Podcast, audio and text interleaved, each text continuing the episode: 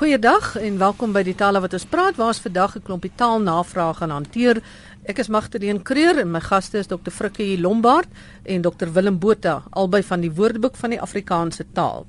Nou Frikkie, ons gaan by jou begin en dit lyk my hierdie koei ooi ram bil en storie met die spene uh los ons net nie want sê dit ons het die eerste keer hanteer het 'n dag gereeld terugvoer gekom. Nou dit is weer een van so Lombard. Ja. Yeah. En sy sê sy het nou 'n paar vrae. Sy sê ons het destyds gesê 'n vroulike dier met twee spene is 'n ooi en een met vier spene is 'n koei. Die manlike diere is dan afhangende van die ooi koei, 'n ram of 'n bul. Nou vra Sue of ons dan van 'n olifant ooi sal praat want vroulike olifante het twee spene. Ja, so helaas, dit is 'n interessante vraag en uh, ek het dit nou besonder geniet want ek het 'n bietjie naspeurwerk moes loop doen oor uh, olifante en selfs op fotos afgekom van hoe die mamaai van eh, 'n uh, olifant koei lyk en dit herinner as 'n mens dit mag sê amper aan 'n vroulike bors en hulle is tussen hierdie twee eiers moet ons eintlik sê is geleë tussen die voorste bene van die van die olifant koei. Nou ons weet 'n eier is nou hierdie bolvormige hangende orgaan wat dan twee of meer melkkliere en twee of meer spene het. Dus die die olifant is in 'n kategorie van van sy eie. Dit het te doen met miskien dan die grootte soos wat ek aanvanklik gesê het en gereken het voordat ek uh, tereggewys is en gesê is maar ons moet onthou as iets twee spene het is dit 'n ooi en klaar en vier spene is 'n koei. Maar ons sal altyd praat van 'n olifant koei al het die olifant dan nou uh, as die olifant anders gebou as ander diere wat dit betref. Daar's iets wat vir Gert Jansen van Rensburg pla en dit is wanneer mense sê dit is sy tweede oorwinning in 'n ry of dit is sy derde verloor in 'n ry. Wat is die probleem daarmee?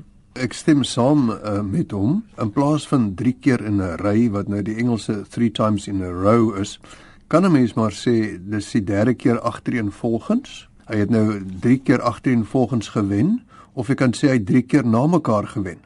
Uh, liewers as 3 keer in 'n ry wat presies die navolging van Engels is 3 times in a row. Dan sê hy ook dit pla hom baie dat die mense altyd die frase die spreekwoordelike gebruik, soos in hy het die spreekwoordelike haas uit die hoed gepluk. Hy vra hoekom moet hulle nou sê spreekwoordelike haas? Almal weet tog dis nie regtig 'n haas uit 'n hoed nie. Nou ek dink mense is dalk bang dat die hoorders nie sal weet dit is 'n idioom nie omdat mense nie meer die idiome ken nie. Dit is een moontlikheid of hulle probeer 'n bietjie geleerd of spoggerig klink en hulle sit die spreekwoordelike uh, voor. Maar ek dink ook dit is eintlik heeltemal onnodig. Ek stem saam daar. En dan het hy nog 'n derde punt. Sportkommentators wat sê hy is die eerste Suid-Afrikaner om die reeks te wen in plaas van hy is die eerste Suid-Afrikaner wat die reeks wen.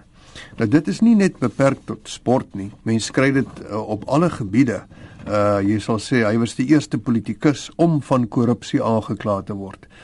Dit is absolute navolging van Engels. Dit is hy die eerste politikus wat aangekla is van korrupsie. In sport is dit baie algemeen. Ons sal sê hy het uh, die 400 meter in 49 sekondes afgelê om 'n rekord op te stel, om 'n nuwe rekord op te stel in plaas van en hy daarmee 'n rekord uh, opgestel. Ons sal ook uh, hoor dat hulle sê dat um, die atleet het nog 12 km om te gaan. 12 km to go in plaas van hy die atleet het nog 12 km oor. Ek stem saam met met al hierdie luisteraars se punte en ek, ek gee hom gelyk. Ons sal nog op 'n dag uh, moet gesels oor anglisismes en oor hierdie gebruike. Ek maak so 'n hele klompie van hierdie tipe voorbeelde bymekaar en ek dink ons kan eendag 'n lekker gesprek net daaroor hê. Daar's my partykeer asof ons Afrikaanse mense iets net anders te noem en sê net omdat dit van Engels afkom. Ek wil daai bietjie uitgesels en kyk of ons 'n bietjie kan stry daaroor. Maar goed. Frikkie Cecile van Portewil vra dat ons praat oor geslaane dag, ek ken dit nie, en ook dan oor skuifie en skuifie en dan ook die verskil tussen oorlaai en oorlaai.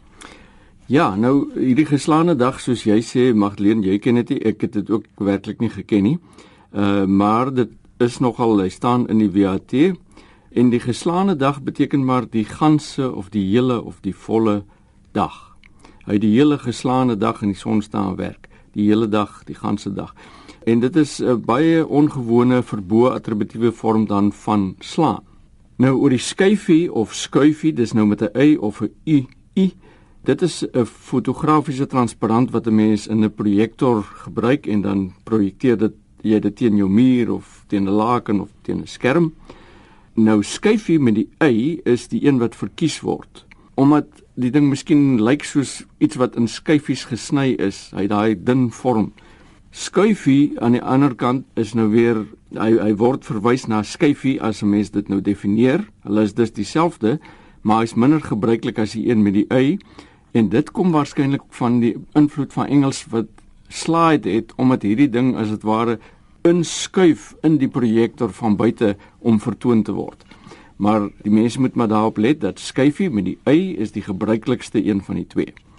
Dan skuifie sal 'n mens nou soos jy gesê het gebruik as jy uh, sê net maar 'n hek wat jy toemaak met 'n skuifie. Ja, iets wat skuif, 'n skuiwer. Ons praat ook van 'n skuiwer baie keer. En nou wanneer 'n mens kom by oorlaai, dan beteken dit weer laai en dit is 'n sogenaamde skeybare werkwoord.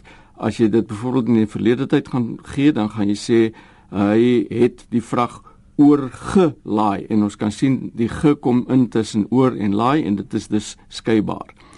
Maar oorlaai met die klem agter beteken eintlik te veel laai. Dit is dan 'n sogenaamde onskeibare werkwoord. Hulle het hom met werk oorlaai. Uh, en dit is maar die verskil daar, Cecile. Willem Jan Mostert wil weet of daar enige verband is tussen swanesang en 'n volle swang. Dankie Jan. Nee, daar is nie 'n verband nie maar ek kan wel een en ander vertel uh, byvoorbeeld oor swanesang. Swanesang beteken dis iemand se laaste poging of die laaste keer dat iemand iets doen. Dit was die dosent se swanesang en hy het sy laaste le lesing gelewer voor sy aftrede. Hy het 'n baie mooi oorsprong. Dit dit kom uit die jaar Toet toe die bygeloof nog bestaan het dat swane uitsonderlik mooi sing net voordat hulle doodgaan.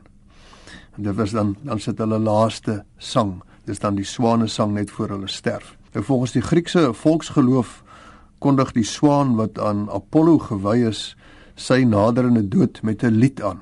Uh, Plato en Aristoteles verwys ook daarna en ook Shakespeare. Daar's ook 'n ander bygeloof dat die siele van dooies in swane beliggaam word, dat hulle oorgaan in swane. Miskien omdat ook geglo is dat swane die gestorwenes na hulle laaste rusplek vergesel. Al hierdie interessante inligting kan jy kry in Anton Prinsloo se boek Uitdrukkings en waar hulle vandaan kom. Dan oor sy navraag oor in volle swang wil ek net daarop dui dat in volle swang en in volle gang dikwels verwar word. In volle gang beteken iets is aan die gang, dit is op dreef of dit kan ook beteken iemand is baie besig. Hier sou sê die vergadering is nou in volle gang, so dis op dreef of ons is in volle gang met ons voorbereidings vir die bazaar. So ons is baie besig. In swang het aanvanklik net verwys na in die mode of gewild. Die minirok is nou in swang. Maar onder invloed uh, van uh, die in volle gang en miskien ook van Engelse uh, in full swing het toe die konstruksie in volle swang ontstaan. En dit beteken presies dieselfde as in volle gang. Met ander woorde iets is aan die gang, iets is op dreef. So jy kan in volle swang en in volle gang nou deesdae albei gebruik vir dieselfde doel, maar eintlik het in swang die betekenis van in die mode te wees of gewild te wees. Dis vir my een van daai woorde wat met verloop van tyd uh verander het of uitdrukkings waar ons mos nou vroeër jare geleer het jy is met vakansie nie op vakansie nie. En selfde was jy moet sê in volle gang, nie in volle swang nie. Mm. Nou is op vakansie korrek en in volle swang is ook korrek. Ja, ja, net kwalifiseer met vakansie en op vakansie is albei reg en in volle swang en in volle gang ook albei. Maar ek dink jy het baie onlangs hierna verwys oor volle gang en volle swang, né? Ja. Ja. Ludwig Visser vra dat ons 'n bietjie nugter oor die woord nugter gesels. Ja, want Ludwig sê as hy net so vinnig dink aan 'n paar maniere waarop die woord gebruik word, is soos nugter weet as iets jy, jy nou nie iets weet nie, dan sê jy nugter weet of jy kan ook sê 'n mens is nugter as jy nie dronk is nie of jy eet iets op jou nugter maag of jy dink nugter as jy logies dink. Daar's twee moontlike verklaringe. Die een is dat nugter kom of verband hou met die Middelnederlands nog nog terne wat teruggaan waarskynlik na die Latyn toe nocturnus wat beteken nagtelik En ons weet ons kry ook 'n nocturne wat 'n musiekstuk is, 'n dromerige aandmusiek of nagmusiek wat gemaak word.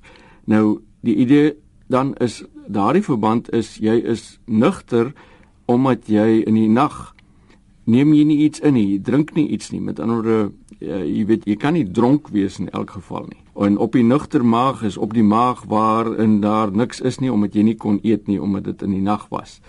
Die ander moontlike verklaring is dat dit verband hou met met goedeoggend waar wat nogtend geword het en gewestelik is dit toe vervorm tot nugtend en nugte en daar het ook uh, die woord byvoeglike naamwoord nugter.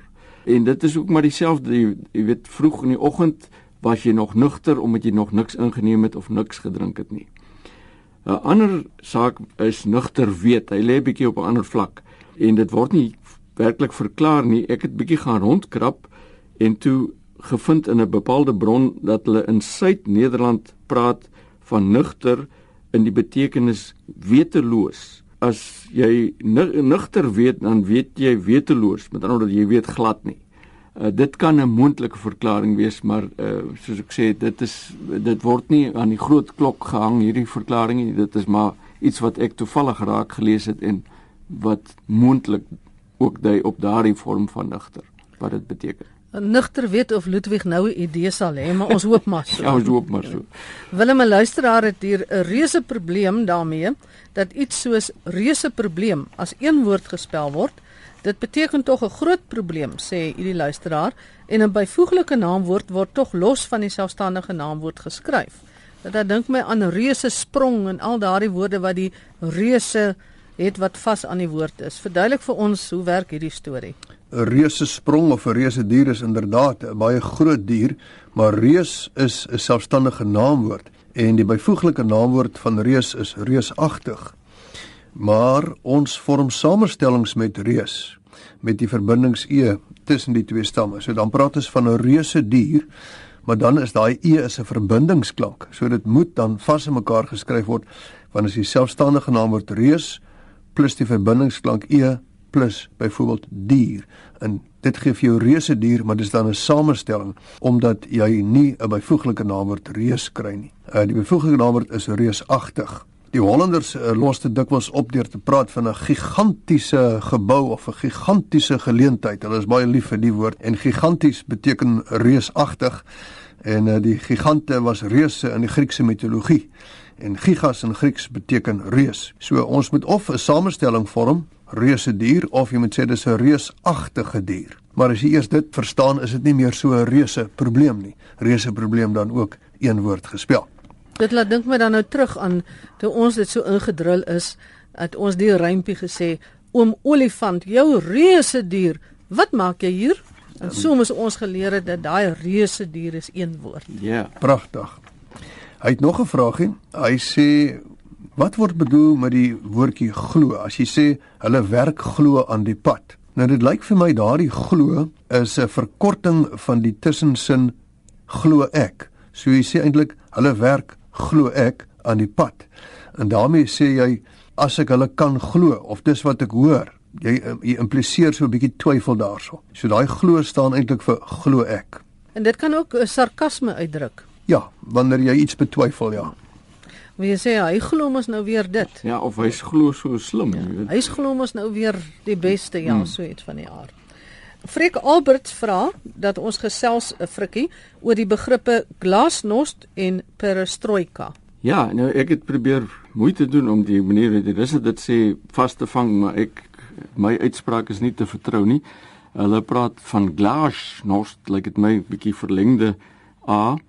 Letterlik beteken dit openbaarheid of rigbaarheid en dit is 'n ou Russiese woord wat Mikhail Gorbachev gebruik het om groter openheid en deursigtigheid in staatsaangeleenthede te beskryf. En die mense was ook maar soms sinies daaroor. Hulle het gesê hierdie glasnost is maar 'n skilpad wat voortkruip op pad na vrye spraak. Nou die perestroika, weer eens probeer ek soos die russe klink, beteken herstrukturering. En dit was 'n ekonomiese en 'n politieke soort herstrukturering van die voormalige Sowjetunie weer eens met onder uh, Mikhail Gorbachev se leiding wat aktief vanaf uh, 1985 beoefen is en bevorder is en onder meer desentralisering van die landbou en die nywerheid voorgestel het en ook die moontlikheid van privaat besit in plaas van kollektiewe besit. Nou kom ek speel gou-gou vir julle die regte russies dan kyk ons hoe ver of hoe naby was jy met jou uitspraak. Dit daar, nou ja, daar gaan jy my nou vang.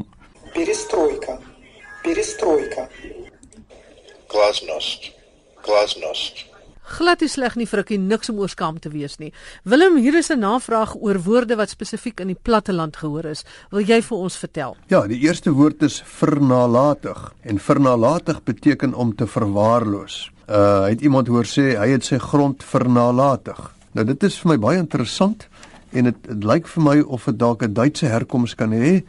Dit is miskien gehoor op uh, een van die ou Duitse sendingstasies soos Wuppertal of Genadendal, want daar is 'n Duitse werkwoord vernachlässigen of vernachlässigen wat beteken om te verwaarloos en dit lyk asof hierdie vernalatig van vernachlässigen afgelei is. Die tweede uitspraak is uit die water staan. Nou dit beteken jy neem nie deel nie, jy distansieer jou van 'n saak. In hierdie kwessie staan ek uit die water. Dit is vir my nogal baie mooi wanneer almal sê nou maar swem of in die water plas dan staan jy buite. So jy distansieer jou van die bespreking oor hierdie kwessie, jy neem nie deel nie. Dis maar soos ons baie keer ook sê ek gaan uitsit vir hierdie ronde. Dis min of meer dieselfde beginsel. En dan het ons die uitdrukking vark oorgooi. En ek weet nie hoeveel luisteraars dit ken nie, maar dit is redelik bekend en uh, of daardie varkoor nou verwys na Aronskelk wat die groot pragtige wit blom trompetagtige blom is en uh, of dit nou 'n vark se oor is is ek nie seker nie maar ek dink dit dalk verwys dalk na die Aronskelk die groot blom wat lyk of hy sal kan goed luister as dit die oor van 'n vark of 'n mens sou wees en varkoor gooi beteken om af te luister Terwyl jy byvoorbeeld met iemand praat, luister jy baie mooi wat in 'n ander groepie gesê word want jy jy's baie geïnteresseerd daarin, jy wil hoor waaroor hulle praat. Of dit kan beteken jy sal jou ore oop hou of probeer uitvind. Iemand sal byvoorbeeld vir jou sê, "Man, ek stel belang in 'n pos daar by julle." Dan sê jy vir "Man, ek sal vark oorgooi." Met ander woorde, ek sal baie mooi luister of daar dalk vir jou 'n geleentheid is. My ore op die grond hou. Selfde soort. Goed, ons sluit af met 'n vraag wat Piet van Heerden vra, Frikkie. Hy het onlangs die frase roei die oranje raak gelees en kan dit reg wees. Seker gesê hulle gaan roei die oranje die vakansie. Ja, dit is presies uh, soos dit min of meer in die tydskrif geskryf is en dit raak presies die punt aan wat ons ook uh, net oor gepraat het oor 'n bietjie praat en gesels oor anglisismes eendag. Want daar is 'n hele paar werkwoorde in Afrikaans wat nie die direkte voorwerp neem nie soos dit wel in Engels die geval is. En roei is een van hulle. Ons kan in Afrikaans 'n bootjie roei of 'n kanoe maar nie sommer 'n rivier nie. 'n mens kan iets voorstel soos ons gaan sê maar in Desember op die Oranje rivier roei of ons gaan met die Oranje rivier afroei of die iets van die aard maar ons roei nie die Oranje nie. Nou ander wat ons dieselfde dieselfde manier gebruik en wat dikwels wat ons verkeerd gebruik hoor is so iets soos Suid-Afrika moet sy ekonomie groei. You must grow grow its economy. Nee, ons moet sê Suid-Afrika moet sy ekonomie uitbrei of laat groei. Verder het ek ook al raak gelees iets soos Suid-Afrika speel die naweek die All Blacks. Dit is ook nie korrek nie. Jy speel teen die All Blacks die naweek. Of ek het ook gesien hy boks komende naweek die kampioen. Dit werk nie so nie. Dis nie tipiese Afrikaans nie. Hy boks teen die kampioen. Nou ja, daar kom ons aan die einde van vandag se program baie interessant hierdie oor groei die ekonomie en ek wil graag hê dat ons is uh, volgende keer sommer begin by groei die ekonomie in groei 'n baard en kweek die baard want dit is op die ja. oomblik nogal redelik baie in gebruik ja. en daar's 'n bietjie omstredenheid daaroor. Ja. Maar baie dankie vir julle deelname vandag. Dit is Dr. Frikkie Lombard en Dr. Willem Botha van die Woordeboek van die Afrikaanse taal op Stellenbosch en ek is Magdalene Creer in Johannesburg.